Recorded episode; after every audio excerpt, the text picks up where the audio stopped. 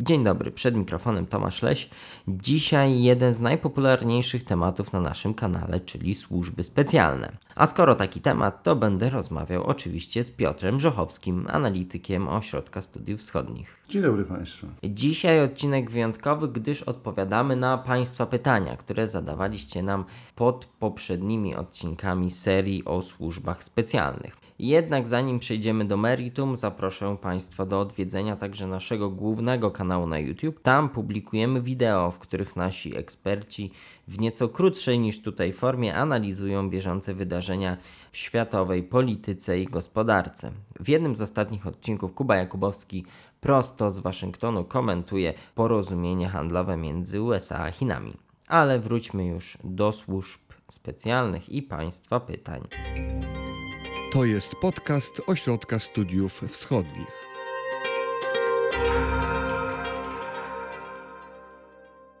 Zaczniemy od pierwszego pytania, które zadał jeden z internautów. Jakie są przyczyny wpadek GRU w ostatnich latach? Zarówno Skripal, jak i Czarnogóra. Czy jest to niedostosowanie się służb rosyjskich do XXI wieku, czy może rywalizacja między FSB a GRU?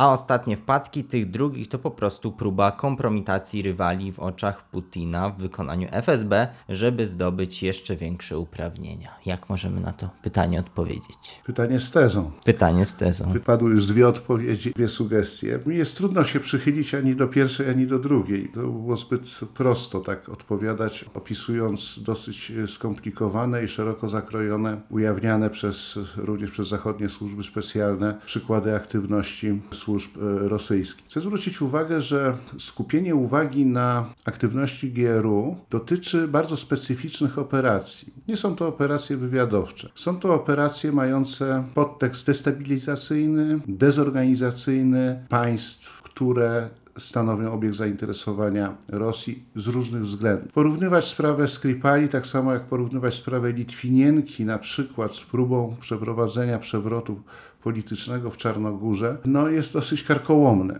Dlatego, że jeżeli chodzi o sprawę Skripali, to jak powszechnie wiadomo, miało to charakter, jak się przyjmuje, zemsty za współpracę Skripala ze służbami zachodnimi. I co chcę przypomnieć, to jest trochę paradoksalne, Skripal został wymieniony za agentów rosyjskich także teoretycznie był nawet ułaskawiony przez władze rosyjskie, jednak jego działalność po przejściu już na stronę zachodnią widać nadal wywołała duże, duże kontrowersje e, w centrali w Moskwie i uznawano tą działalność za na tyle niebezpieczną, i wrogą dla interesów rosyjskich służb, że podjęto próbę jego eliminacji. To brzmi bardzo brutalnie, ale ja zawsze zwracam uwagę, że wszystkie szczegóły operacji rosyjskich y, świadczą o skłonności do działań o dużej skali brutalności. I co jest zawsze zaskakujące ludzi świata zachodu? To, że rosyjskie służby często się nie kryją, pozostawiają widoczne znaki swojej obecności, żeby świat się dowiedział, że zrobiły to one. Czy to była wpadka GRU. Mówimy o Skripalach. Mhm. Przypominając sobie okoliczności otrucia Litwinienki, widzę bardzo dużo wspólnych cech. Po otruciu Litwinienki też bardzo szybko zidentyfikowano sprawców. Nie zatrzymano ich po dokonaniu zamachu. Mhm. Oni wyjechali wtedy z Wielkiej Brytanii. Za to rzeczywiście po weryfikacja danych osobowych pochodzących z, między innymi z służb granicznych pozwoliła zidentyfikować personalia tych ludzi, którzy zostali wysłani do realizacji tej zadania. Dlaczego to Rosjanie robią? Powtórzę się. Chcą pokazać, że system bezpieczeństwa państw zachodnich jest dosyć słaby. On nie jest w stanie zapobiec takiej akcji, a y, to, że zidentyfikuje się post factum sprawców, w sumie nie zmniejsza znaczenia takiej operacji. Tak jest modus operandi rosyjski. Co do Czarnogóry, tu bym się już przychylił do opinii, że to była wpadka, tylko dlaczego do niej dochodzi? Przypominam, nie możemy oddzielić działalności rosyjskich służb od realiów politycznych danego państwa, od celów rosyjskiej polityki zagranicznej. To jest element tejże polityki, a z drugiej strony też pokazuje, czy Rosja dobrze rozpoznaje sytuację w kraju, w którym zaczyna działać w sposób wątpliwy, bo nie polityczny, ale posługując się metodami operacji specjalnych. Czarnogóra pokazuje nam dosyć skomplikowany scenariusz. On się pozornie wydaje prosty W oparciu o placówkę dyplomatyczną, jeden z zastępców atasze wojskowego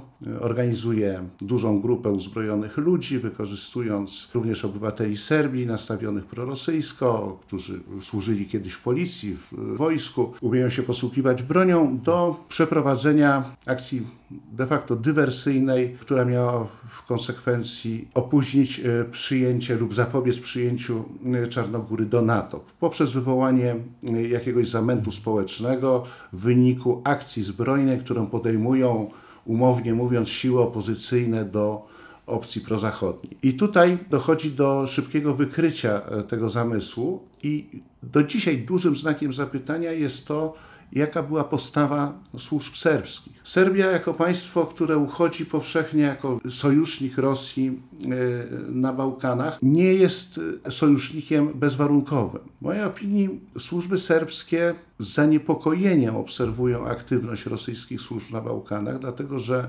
samowola rosyjskich służb w przeprowadzaniu z terytorium Serbii na przykład operacji specjalnych jest śmiertelnym niebezpieczeństwem dla samej Serbii, dla elit politycznych, dla jej polityki zagranicznej, a przypomnijmy, że polityka Serbii opiera się jednak na pewnej dwutorowości. Tak, uznają Rosję za sojusznika, może to za dużo słowo, ale za sprzymierzeńca, który będzie bronił interesów Serbii gdzieś na polu y, międzynarodowym, ale z drugiej strony Serbia nie rezygnuje z utrzymywania dosyć aktywnych kontaktów z Unią Europejską czy NATO, przypomnijmy, ta współpraca z NATO jest, ona może nie ma charakteru stricte wojskowego, ale też nie wyklucza udziału na przykład Serbii w jakichś operacjach pokojowych, czyli NATO też się godzi zapoznawać y, armię serbską ze standardami, jakie panują w siłach zbrojnych NATO.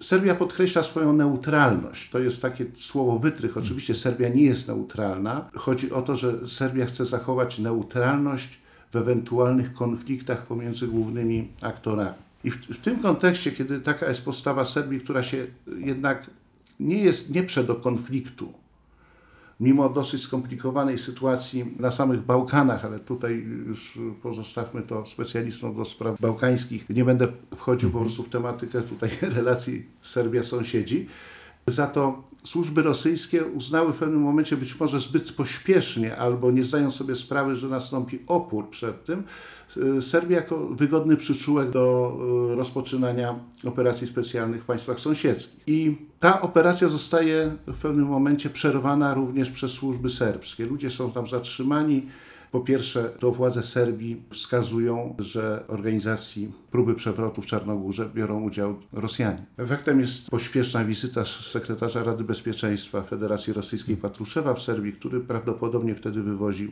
Rosjan zaangażowanych w tę operację. I tutaj możemy rozważać pewien element złego rozpoznania przez służby rosyjskie terenu, na którym się działa. Nie przewidziano asertywności drugiej strony, choć uchodzącej za przyjazną, jednak liczono raczej na przyzwolenie, nieme przyzwolenie, a jednak okazało się, że są granice tolerancji dla swobodnego poruszania się e, służb rosyjskich na terytorium, tak jak podkreślę, przyjaznego państwa. Przypomnę jeszcze jedno o, o, takim zatrzymaniu w Holandii dwóch przedstawicieli wywiadu wojskowego, którzy próbowali w taki uproszczony sposób dotrzeć do sieci komputerowej jednej z instytucji.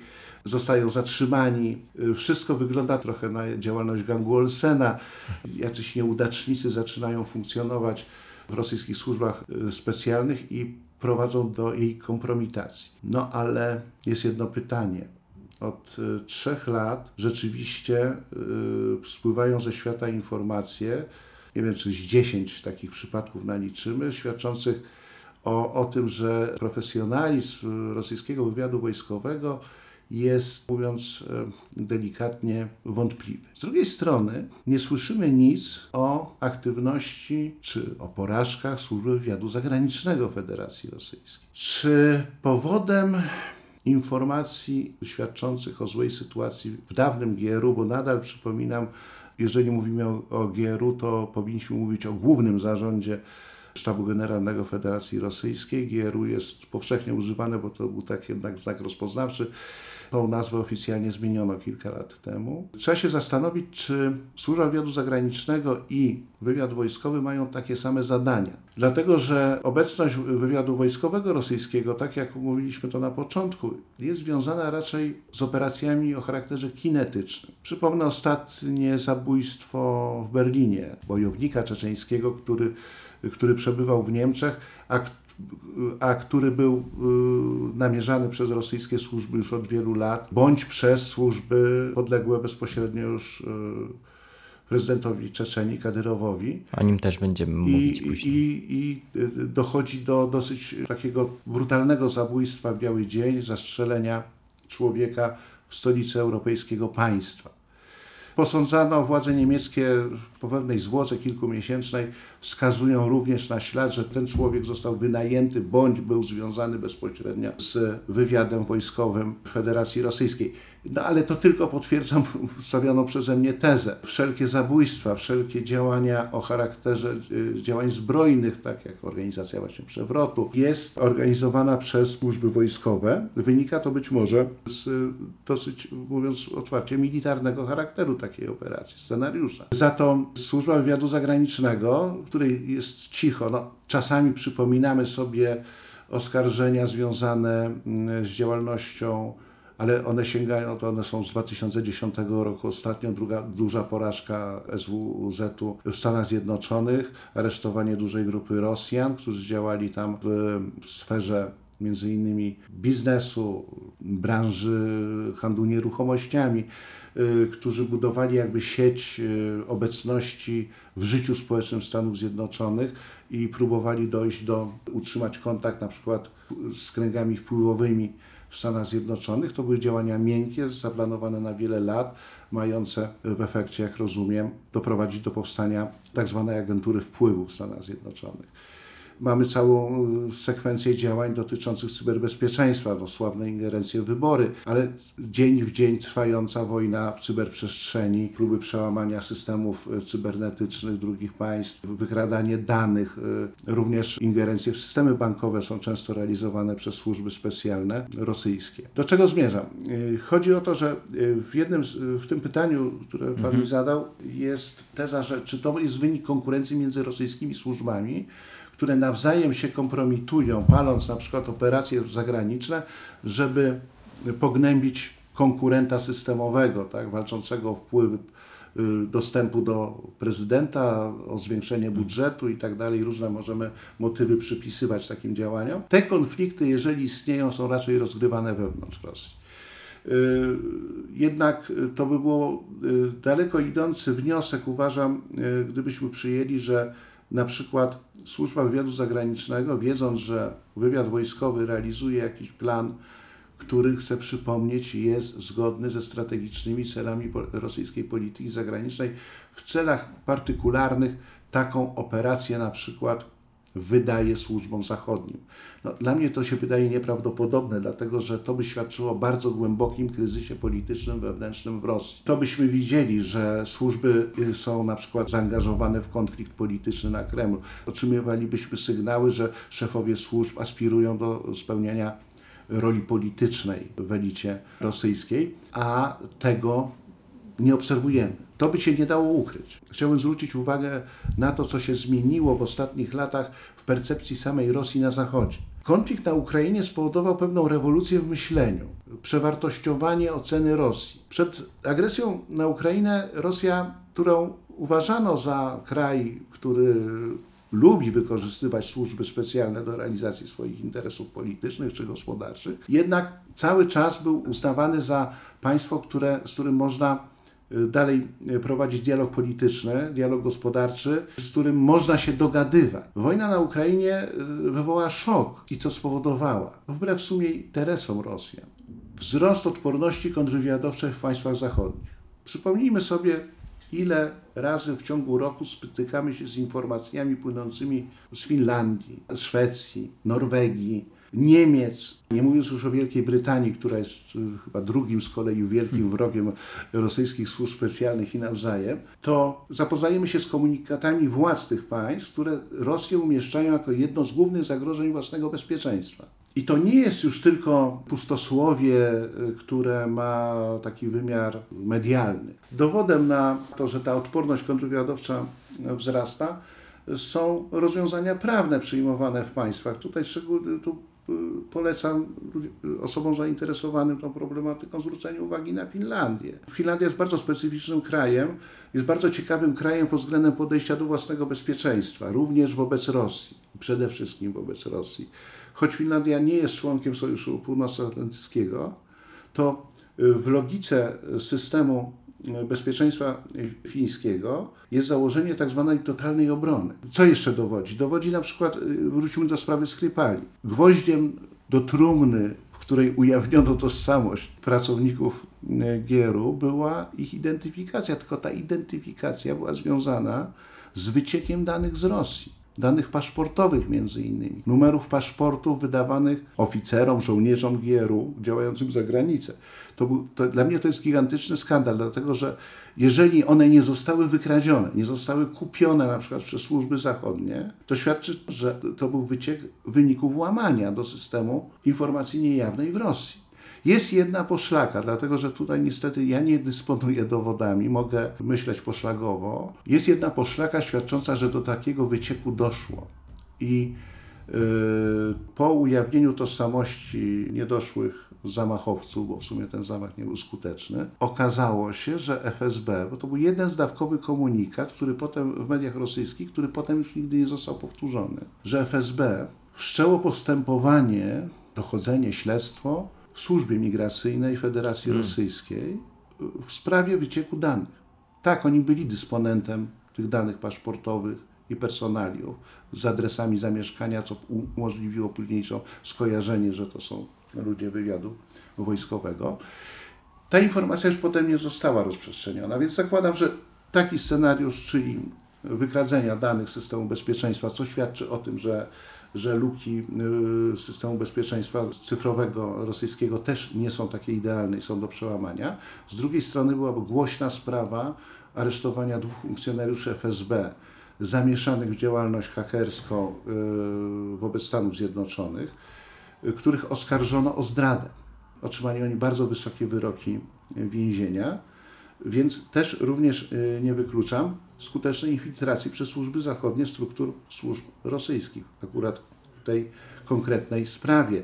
Y, to się kojarzy, że, że taki, taki scenariusz był możliwy.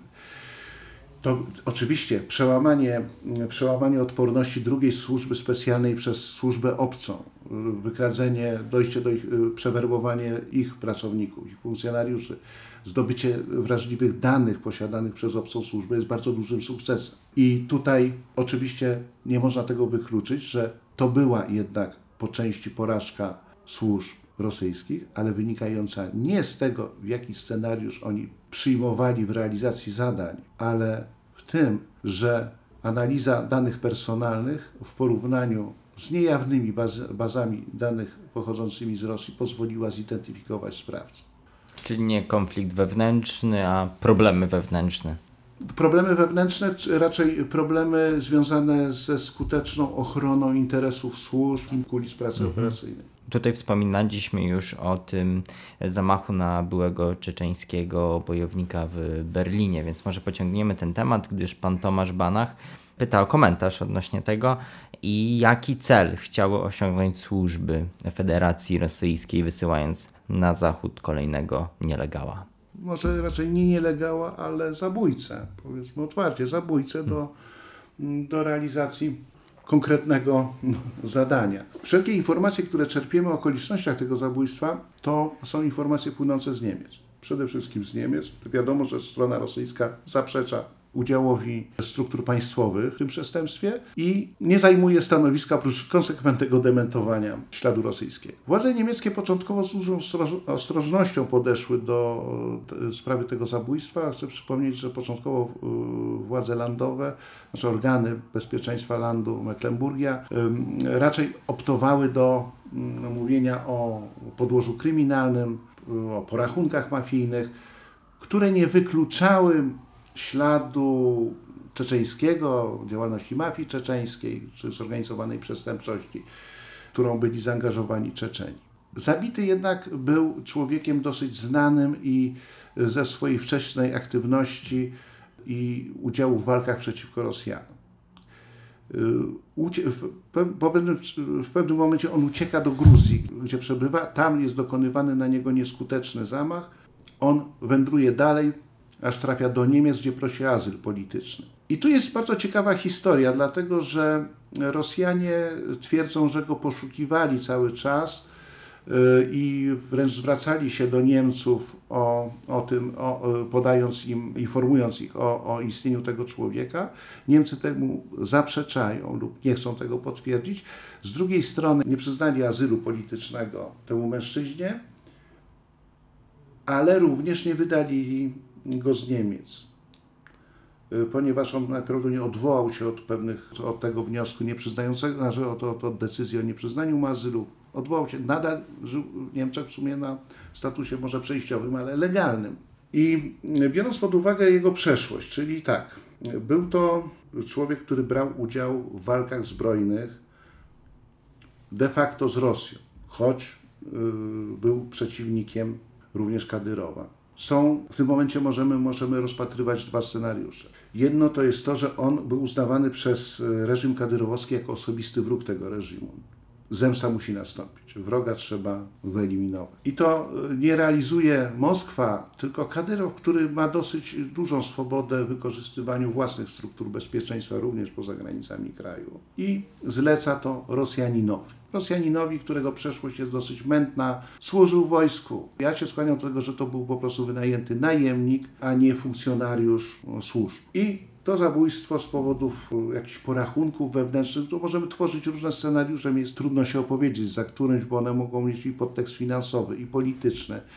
Yy, taka operacja jest realizowana. No ale po pewnej zwłoce władze niemieckie jakby przemyślały to, zapoznały się z ustaleniami, których nie wiemy, ale widzimy efekty w komunikacie już na szczeblu federalnym. Jest formułowana opinia, że placówka rosyjska udzielała wsparcia temu zabójcy. Rosja oczywiście to dementuje, ale w tym momencie, analizując te informacje, dochodzę do wniosku, że jednak służby niemieckie mają już dowody, że jeśli nawet to przyjmujemy wersję kadyrowowską scenariusza tego zabójstwa, to jednak to było wspierane przez służby rosyjskie, wspierane, osłaniane, nie można tego wykluczyć. O sprawie nadal jest cicho. Tylko, że znowu, tak jak wracając do pierwszej części rozmowy, no chcę zwrócić, o, czym, o, o tym wspomniałem, to znowu jest działanie kinetyczne. Ja to nazywam działaniem kinetycznym. To nie jest wywiad, to nie są gry, E, e, mające rozegrać polityków, stworzyć atmosferę do podjęcia decyzji politycznej korzystnej dla Rosji. To ma charakter porachunków służb z ludźmi, których uważamy za niewygodnych bądź za nieprzyjaznych, niebezpiecznych dla naszych interesów. Często, jeżeli przyjmiemy ślad e, taki typowo czeczeński, to będzie oczywiście motyw takiej zemsty, konsekwentnej zemsty na ludziach, którzy nie chcieli się podporządkować nowemu reżimowi, a wręcz walczyli z nim i, i byli zdecydowani walczyć nadal. Następne pytanie, tym razem od pana Łukasza Kobierskiego. Tutaj otworzymy temat rzeka, bo szkolenie służb specjalnych Rosji. Gdyż pan Łukasz pyta, jaki jest proces szkolenia służb specjalnych Rosji i czym on się różni w poszczególnych służbach. To jest temat rzeczywiście rzeka, bo, żeby, bo musimy sobie wtedy jeszcze raz powtórzyć, ile jest służb rosyjskich, bo każda z tych służb posiada własny indywidualny tok edukacyjny. I wiadomo, że najważniejszymi służbami jest FSB czy Służba Wywiadu Zagranicznego i tutaj mamy sytuację przejrzystą, jest Akademia Federalnej Służby Bezpieczeństwa, potężna instytucja o kilku fakultetach, o których będę mówił, jakie tam są jest Akademia Wywiadu Zagranicznego. Szkolenie wywiadu wojskowego jest tajemnicą. Nie ma oficjalnie jakiejś wydzielonej uczelni, ale tam jest to też, przypomnę, to jest jednak wywiad wojskowy, więc wszyscy, którzy tam służą, mają po pierwsze wykształcenie specjalne wojskowe, uzupełniane, rozumiem, niejawnymi kursami wywiadowczymi, ale generalnie to są wojskowi, więc oni, oni, oni się koncentrują, oni mają posiadaną szeroką wiedzę, wiedzę w sprawach wojskowych, no ale zgodnie z interesami tej służby. Mamy Federalną Służbę Ochrony, która również posiada własną y, akademię. FSB, o której wspomniałem, oprócz tej głównej akademii yy, moskiewskiej, posiada kilka akademii szkolących funkcjonariuszy Federalnej Służby Granicznej, wchodzącej w skład FSB. To tak z grubsza to wygląda systemowo. Co jest wspólnego dla takiego szkolnictwa specjalnego prawdopodobnie trochę wspólnego na całym świecie? Wiadomo, że kilkuletnie studiowanie na takich uczelniach ma wykształcić dobrze przygotowanego funkcjonariusza służb. Ale również wiadomo, że to szkolenie nie robi z niego już natychmiast profesjonalisty. Proces szkolenia jest raczej procesem weryfikacji kandydata do służby. Biorąc pod uwagę oficjalne dane, które na przykład publikowane są przez FSB o warunkach przyjmowania e, na uczelnie związane z oczekiwaniami od kandydatów, widać jak dużą wagę przywiązuje się do sprawności fizycznej i odporności psychicznej. Wszystkie te uczelnie mają wykształcić człowieka odpornego na stres, człowieka, który ma być zdyscyplinowany, ale również w pewien sposób kreatywny. I oczywiście FSB jest bardziej służbą bardziej skomplikowaną, dlatego że jest tam bardzo dużo specjalizacji, on zajmuje się szerokim spektrum działań, ale jeżeli już przejdziemy do służby wywiadu zagranicznego, to wiadomo, że to musi być człowiek, który będzie działał za granicą. Więc on musi zostać przygotowany dobrze profesjonalnie językowo. To są dla mnie banalne sprawy. Każda służba, która specjalna w każdym, w każdym, w każdym, w każdym z krajów, który ma dobrze zorganizowane służby, podobnie podchodzi do kandydata. Y, czy jest rosyjska specyfika? Ja się tak zastanawiałem właśnie, kiedy zobaczyłem to pytanie, czy, czy ja mogę mówić o rosyjskiej specyfice szkolenia. Tak głębokiej wiedzy nie posiadam. Na pewno każdy kraj ma różni się od siebie, ale patrząc na to, co można usłyszeć od byłych funkcjonariuszy rosyjskich służb, od tego, co czasami przy okazji różnych skandali, które też są ujawniane w rosyjskich służbach, nawet po części w oficjalnej propagandzie rosyjskich służb, widać taką ponadczasową, trwającą od czasów NKWD czy nawet CK cechę, że podjęcie pracy w służbach rosyjskich jest jednak wejściem do elity. I to nie jest ukrywane, to jest wręcz podkreślane. I tutaj, jeżeli mówimy o konkurencji pomiędzy służbami, to rzeczywiście mam taki dowód konkurencji intelektualnej, konkurencji wizerunku.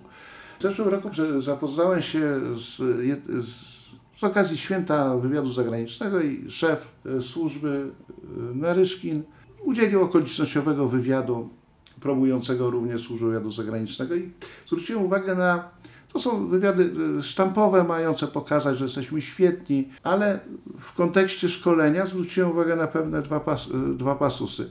Jeden to było to, tak, przychodźcie do nas, zachęta, taki apel do młodych ludzi. To jest atrakcyjna praca. Państwo Wam gwarantuje atrakcyjną, dobrze opłacaną pracę. A z drugiej strony Nareszkin powiedział coś bardzo obraźliwego, właściwie, a raczej uszczypliwego w stosunku do FSB, ponieważ powiedział, no, trzeba pamiętać o tym, że do FSB to można pójść z wykształceniem średnim. U nas przyjmuje się ludzi tylko z wykształceniem wyższym. I ta elitarność, która jest tutaj w podtekście, jest widoczna. Przyjmujemy tylko najlepszych, najlepiej wykształconych. Poza tym stajecie się elitą w państwie, elitą systemu bezpieczeństwa.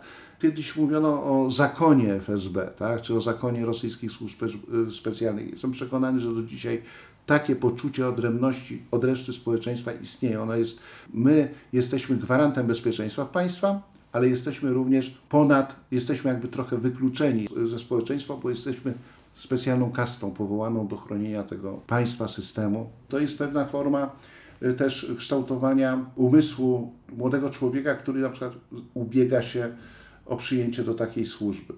Przypomnijmy, no, rzeczywiście popularność, atrakcyjność podjęcia pracy w służbach specjalnych Rosji jest bardzo wysoka. Kiedyś to było ujawniane, dzisiaj już taka informacja nie przecieka do otwartych źródeł, ale wiadomo było, że często dawano łapówki żeby w ogóle stanąć do egzaminów czy y, zdać ten egzamin.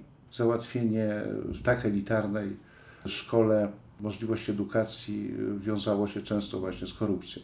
I nie wykluczam tego, że to nadal istnieje. Na swój sposób takie elitarne podejście oficjalne do podjęcia wysiłku kształcenia się w szkolnictwie specjalnym służb rosyjskich jest trochę też demoralizujące. Mówiłem o takiej właśnie poczuciu pewnej odrębności od społeczeństwa, elitarności. Ona kilka lat temu takim przejawem właśnie, że to jednak jest, może łatwo się wypaczyć, takie idealistyczne podejście był, był duży skandal w Moskwie, kiedy po zakończeniu roku szkolnego na Akademii FSB absolwenci, którzy byli lepiej sytuowani finansowo, wynajęli Mercedesy Gelenwageny i po zdaniu egzaminów ruszyli korowodem tymi wynajętymi drogimi samochodami przez Moskwę, wywołując zamęt w ruchu drogowym. No niestety zrobił się z tego skandal, to natychmiast zostało odnotowane w, w sieciach społecznościowych i z powodów wizerunkowych ten triumfalny przemarsz nowo upieczonych absolwentów został przerwany przez policję rosyjską. FSB musiało zareagować, dlatego że to był jednak wizerunkowa porażka, bo rozpychający się łokciami w drogich samochodach funkcjonariusze FSB pokazują, że rządzą światem. Oficjalne komunikaty FSB e, mówiły o ukaraniu wszystkich uczestników, ale nie wyrzuceniu ze służby, a raczej sugerowano, że oni zostali skierowani na, do mniej atrakcyjnych rejonów Rosji do pracy. Hmm. Nie wiadomo, czy to była prawda, bo, wiadomo, bo prawdopodobnie byli to synowie ludzi dobrze sytuowanych, a być może również będących członkami elity, elity politycznej, więc jeśli chodzi o te konsekwencje, byłbym ostrożny.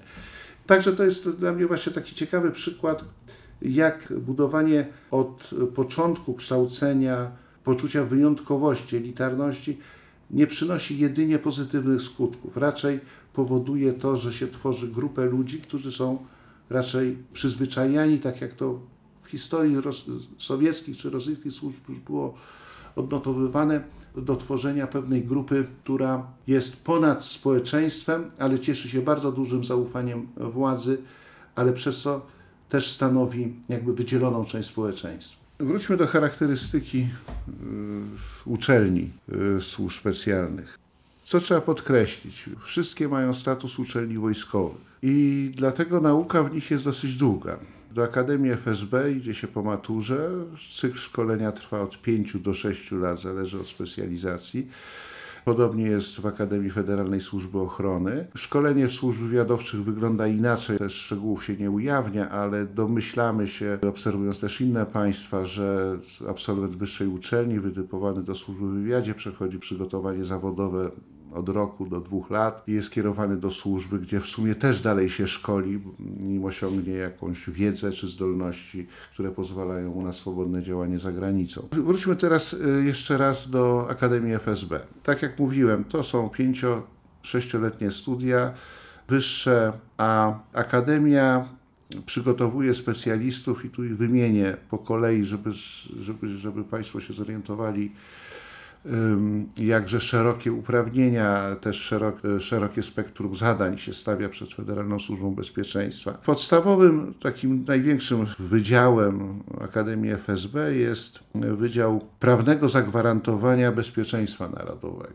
To jest bardzo ogólne, wykształcenie jest niby prawnicze, ale wiąże się z funkcjami kontrwywiadowczymi służby, walki z ekstremizmem politycznym, czyli mówiąc e, kolokwialnie, policja polityczna, która, jak dobrze wiemy, w Rosji nadal de facto działa a ekstremizm polityczny jest szeroko rozumianą kategorią przestępstw przeciwko e, państwu. Następnym takim e, wydziałem jest Fakultet Bezpieczeństwa Systemów Analityczno-Informacyjnych czy Informatycznych, później e, inf zabezpieczenie informatyczne bezpieczeństwa systemów zautomatyzowanych i to jest zagadka, co to jest, mhm.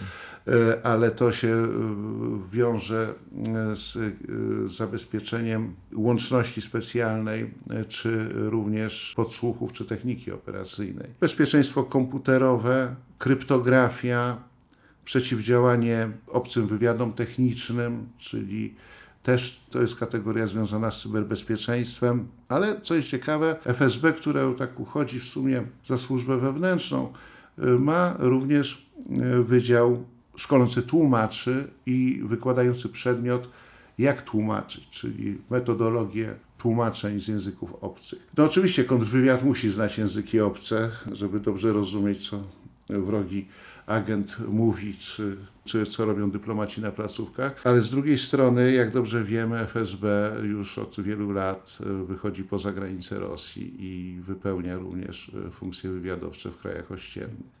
Czyli jeżeli osoba kończy taką szkołę, to ma albo tytuł prawnika, tak jak mówiliśmy, Ma wyższe oficjalnie, wykształcenie prawnicze, albo, albo lingwistyczne, tak? albo lingwistyczne, albo techniczne. I to są takie dwie przykrywki. Tak, no, no, no musi mieć jakiś dyplom No tak.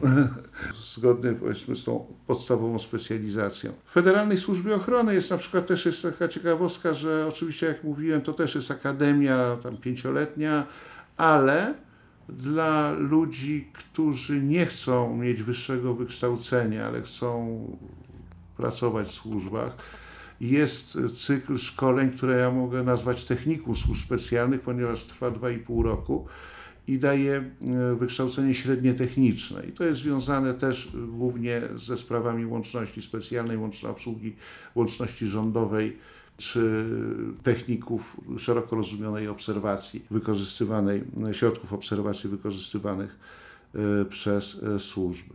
A są osoby, które idą do tych szkół, a nie zostają potem oficerami służb specjalnych, tylko traktują to jako każdą inną, jak inną szkołę. Oczywiście, że tak nie można, to jest pewne zobowiązanie już do kontynuowania pracy w tych instytucjach. To tak nie można przyjść z ulicy i ja skończę sobie szkołę, Akademię FSB i pójdę pracować gdzieś indziej. No chyba, że jako oficer pod, No tak. pod przykryciem. Y, To tak. Co jest jeszcze ciekawe, bo wróćmy jeszcze może na chwilę do wywiadu. Wiadomo, że służby wywiadowcze bardzo pilnie obserwują absolwentów, ludzi, którzy kończą studia wyższe. I to jest taka ciekawostka, która nie wiąże się tylko ze służbami wywiadowczymi, ale generalnie ze systemem obrony państwa. Stosunkowo niedawno na uczelniach przywrócono pełnowartościowe studium wojskowe, mówiąc po polsku. To są roczne kursy prowadzone przez wojsko dla studentów wszystkich uczelni państwowych. I co jest ciekawe, tam tym studentom są nadawane specjalizacje wojskowe. Jeśli na przykład mówimy o MGIMO, to y, wszyscy studenci MGIMO są przyszłymi czy potencjalnymi tłumaczami na użytek wojska. Na innych uczelniach technicznych oczywiście dostają specjalizacje techniczne, tylko trzeba o tym pamiętać, że również te specjalizacje mogą być potrzebne służbom wywiadowczym. Ja ciągle przypominam, że system służb rosyjskich jest systemem zmilitaryzowanym. To jest też pewna rodzaj służby wojskowej i typowanie właśnie ludzi, którzy dobrze znają języki. Tutaj właśnie MGIMO jest takim, taką sztandarową mm, uczelnią. Daje szansę e, pozyskania przyszłego pracownika przez służby specjalne. Dobrze, przechodzimy do kolejnych pytań i do, wychodzimy trochę za granicę, bo pytanie pana Łukasza Kobierskiego kolejne to jest, jak wielu agentów służb pracuje na placówkach dyplomatycznych za granicą? Znamy w ogóle takie dane? Możemy coś oszacować? No nie spotkałem służb, które podały kiedykolwiek oficjalnie y, takie dane. Taką wiedzę czer- czerpiemy z materiałów ujawnianych i dotyczących historii poszczególnych służb specjalnych. Analizując, oczywiście możemy zacząć y, podjąć próbę analizy, czy możemy dojść y, do w miarę wiarygodnego szacunku. Jak, jakiegoś porównania może też. Czy porównania? No po pierwsze musimy się zastanowić nad jednym. Czy dane państwo jest ważne dla Rosji? Punkt drugi. Wziąć y, listę y, pracowników placówki i zobaczyć, ilu jest dyplomatów. Czy przypadkiem nie jest zbyt dużo dyplomatów? Bo czasami są takie kraje, które niby są małe, ale tam jest ze 100 dyplomatów obcych. Na przykład y, służby czeskie y, ujawniły, nieprecyzyjne oczywiście, informacje, że y, w Czechach operuje kilkuset agentów służb rosyjskich. Czy to jest liczba przesadzona, czy ona jest wiarygodna, że to nie jest do końca pewne, ale właśnie po pierwsze, kiedy spojrzymy na, na, na listę pracowników dyplomatycznych placówki zobaczymy, że na przykład w państwie relatywnie małym, a, ale ważnym dla interesów Rosji jest bardzo duża liczba dyplomatów. No to, no to wskazuje, że y, tutaj jest duży, y, duża grupa przedstawicieli y, służb. No zazwyczaj się mówi, że to tak jedna trzecia na placówce może być, y, może być związana ze służbami, ale też pamiętajmy, że to jest trochę rozciągliwe. Służba państwowa ma to do siebie, że no, w sumie dyplomaci są zobowiązani do współpracy również ze służbami wywiadowczymi. Y, Więc y, oczywiście kadrowych y, pracowników jest mniej niż dyplomatów, ale, ale placówki dyplomatyczne zazwyczaj jednak stanowią pewną jedną całość pod względem sposobu myślenia kraju urzędowania. Przy, przypomniałem sobie teraz, bo mamy oczywiście problem z funkcjonowaniem ataszatów wojskowych. I ja przypominam sobie, że y, dobre kilka lat temu y, Ministerstwo Obrony Federacji Rosyjskiej podało oficjalnie informację, że w niektórych krajach, w których znajdują się upamiętnienia Armii Czerwonej, dotyczyło to krajów europejskich, przez które przechodziły fronty sowieckie w 1944-1945 roku, zwiększa się ilość y, oficerów ataszatów wojskowych, którzy są delegowani do opieki nad cmentarzami czy doglądaniem pomników, e, pomników e, upamiętniających Armię Czerwoną.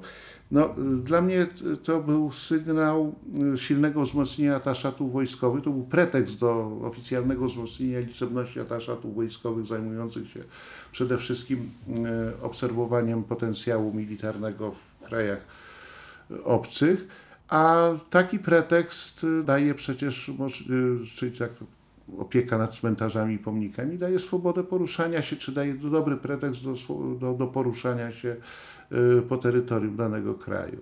Ostatnie pytanie, które dostaliśmy, to kolejny temat rzeka. Tak naprawdę nawet się zastanawialiśmy, czy zrobić na ten temat oddzielny podcast, ale spróbujemy odpowiedzieć. To jest wpływ FSB na obywateli Białorusi.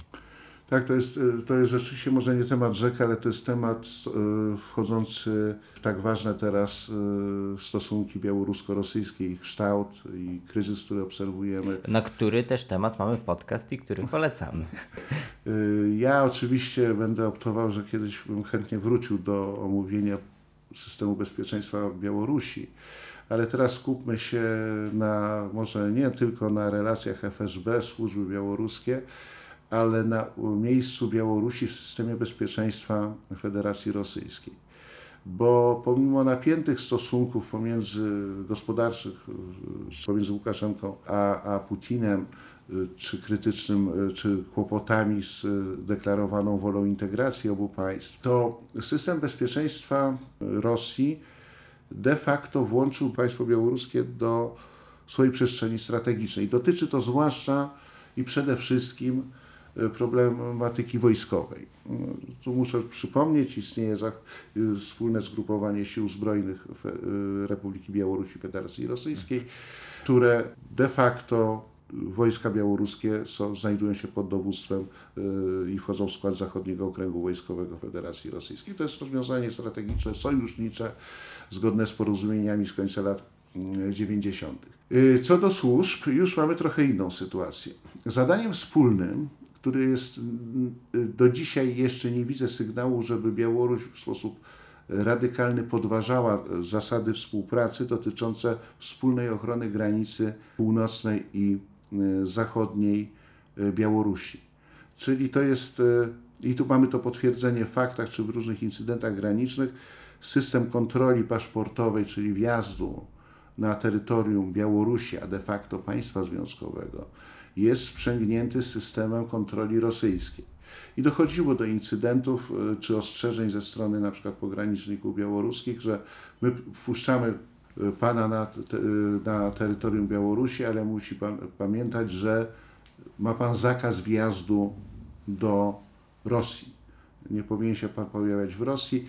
I to, to, to, to świadczy o tym, że, że y, jednak ochrona granic z państwami NATO czy Unii Europejskiej jest jednak, znajduje się pod wspólną kontrolą rosyjsko-białoruską. Trzeba też pamiętać o tym, że, że strona rosyjska w ramach budżetu państwa związkowego przez lata dofinansowywała w jakimś stopniu, y, to była różna skala, infrastrukturę graniczną właśnie na odcinku y, północnym i zachodnim Białorusi.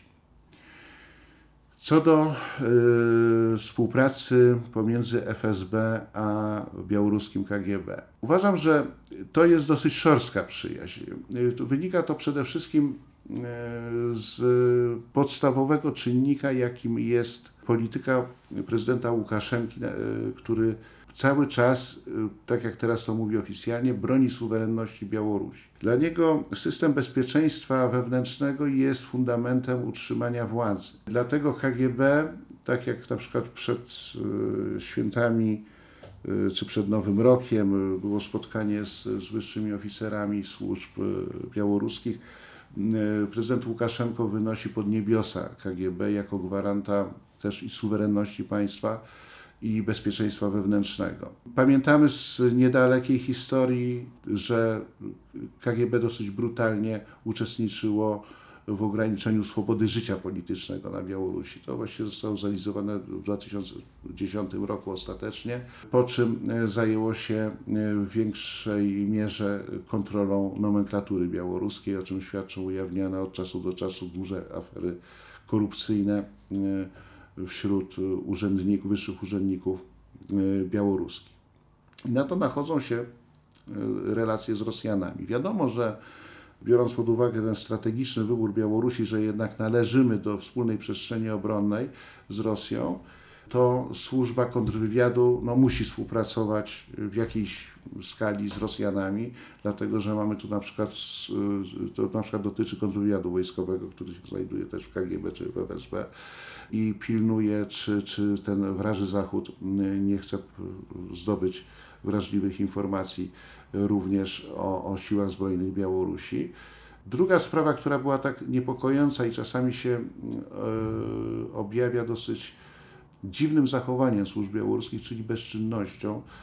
Służby białoruskie często nie reagują na ingerencję służb rosyjskich. Tu była taka dosyć e, kilka lat temu głośna sprawa porwania obywa- chłop, młodego człowieka, obywatela Ukrainy z terytorium Białorusi. FSB przyjechało, go zatrzymało pod zarzutem oczywiście wyimaginowanym e, zachęcania do aktów terrorystycznych i go wywiozła z terytorium Białorusi. Tłumaczenie oficjalne Białorusinów było bardzo mętne.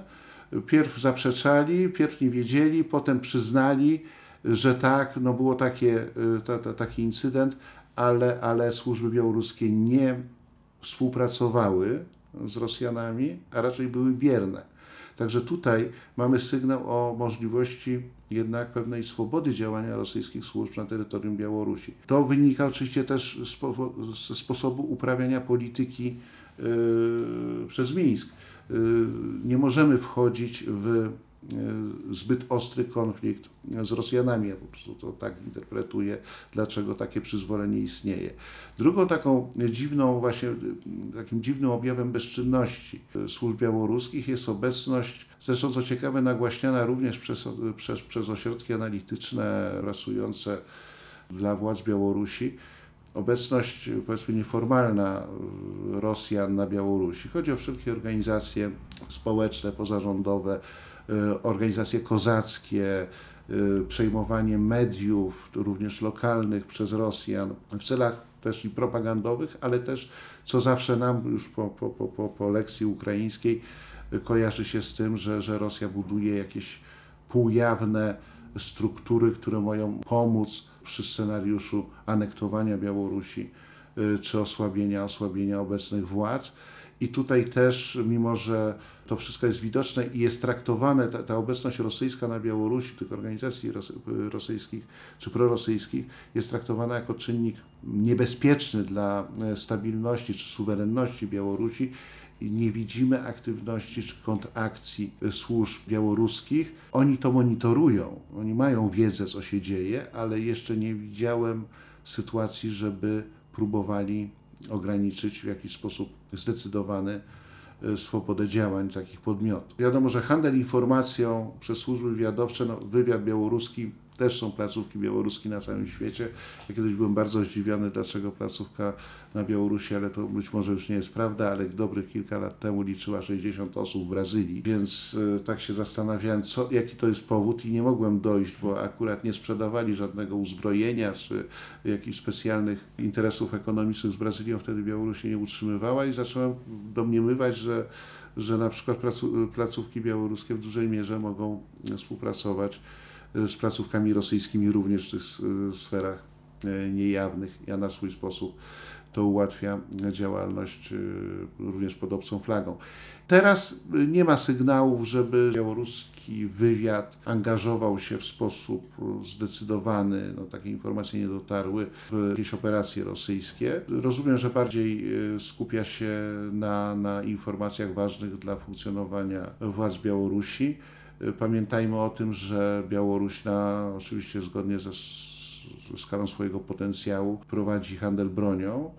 Y, to też jest w sumie sfera, która znajduje się pod tradycyjną opieką służb specjalnych, a y, ta, a ta sprzedaż uzbrojenia, która jest ważna ekonomicznie, y, dla Białorusi, a to dotyczy, to uzbrojenie idzie od Azerbejdżanu po, po, po, po Bliski Wschód. Często jest to jednak konkurencja z Rosjanami.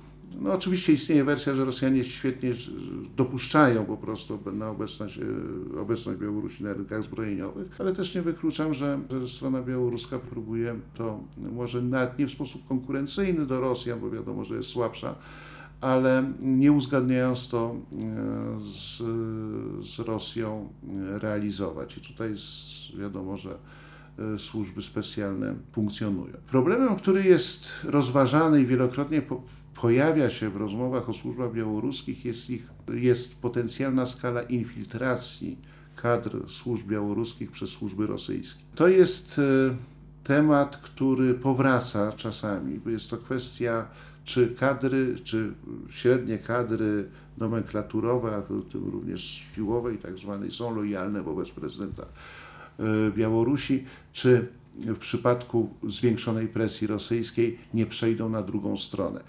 Przypomina mi się trochę taki scenariusz ukraiński, kiedy struktury SBU na przykład na Krymie, na anektowanym Krymie, no, tak się złożyło, że to byli miejscowi ludzie i przeszli na stronę rosyjską. Yy, więc yy, czy ten scenariusz jest możliwy? Dowodów na to nie ma. Są często poszlaki, że yy, FSB utrzymuje nieformalne kontakty z białoruskim KGB. Z czego to wynika? To jest pewna zaszłość, która jeszcze dotyczy pierwszej dekady lat 2000.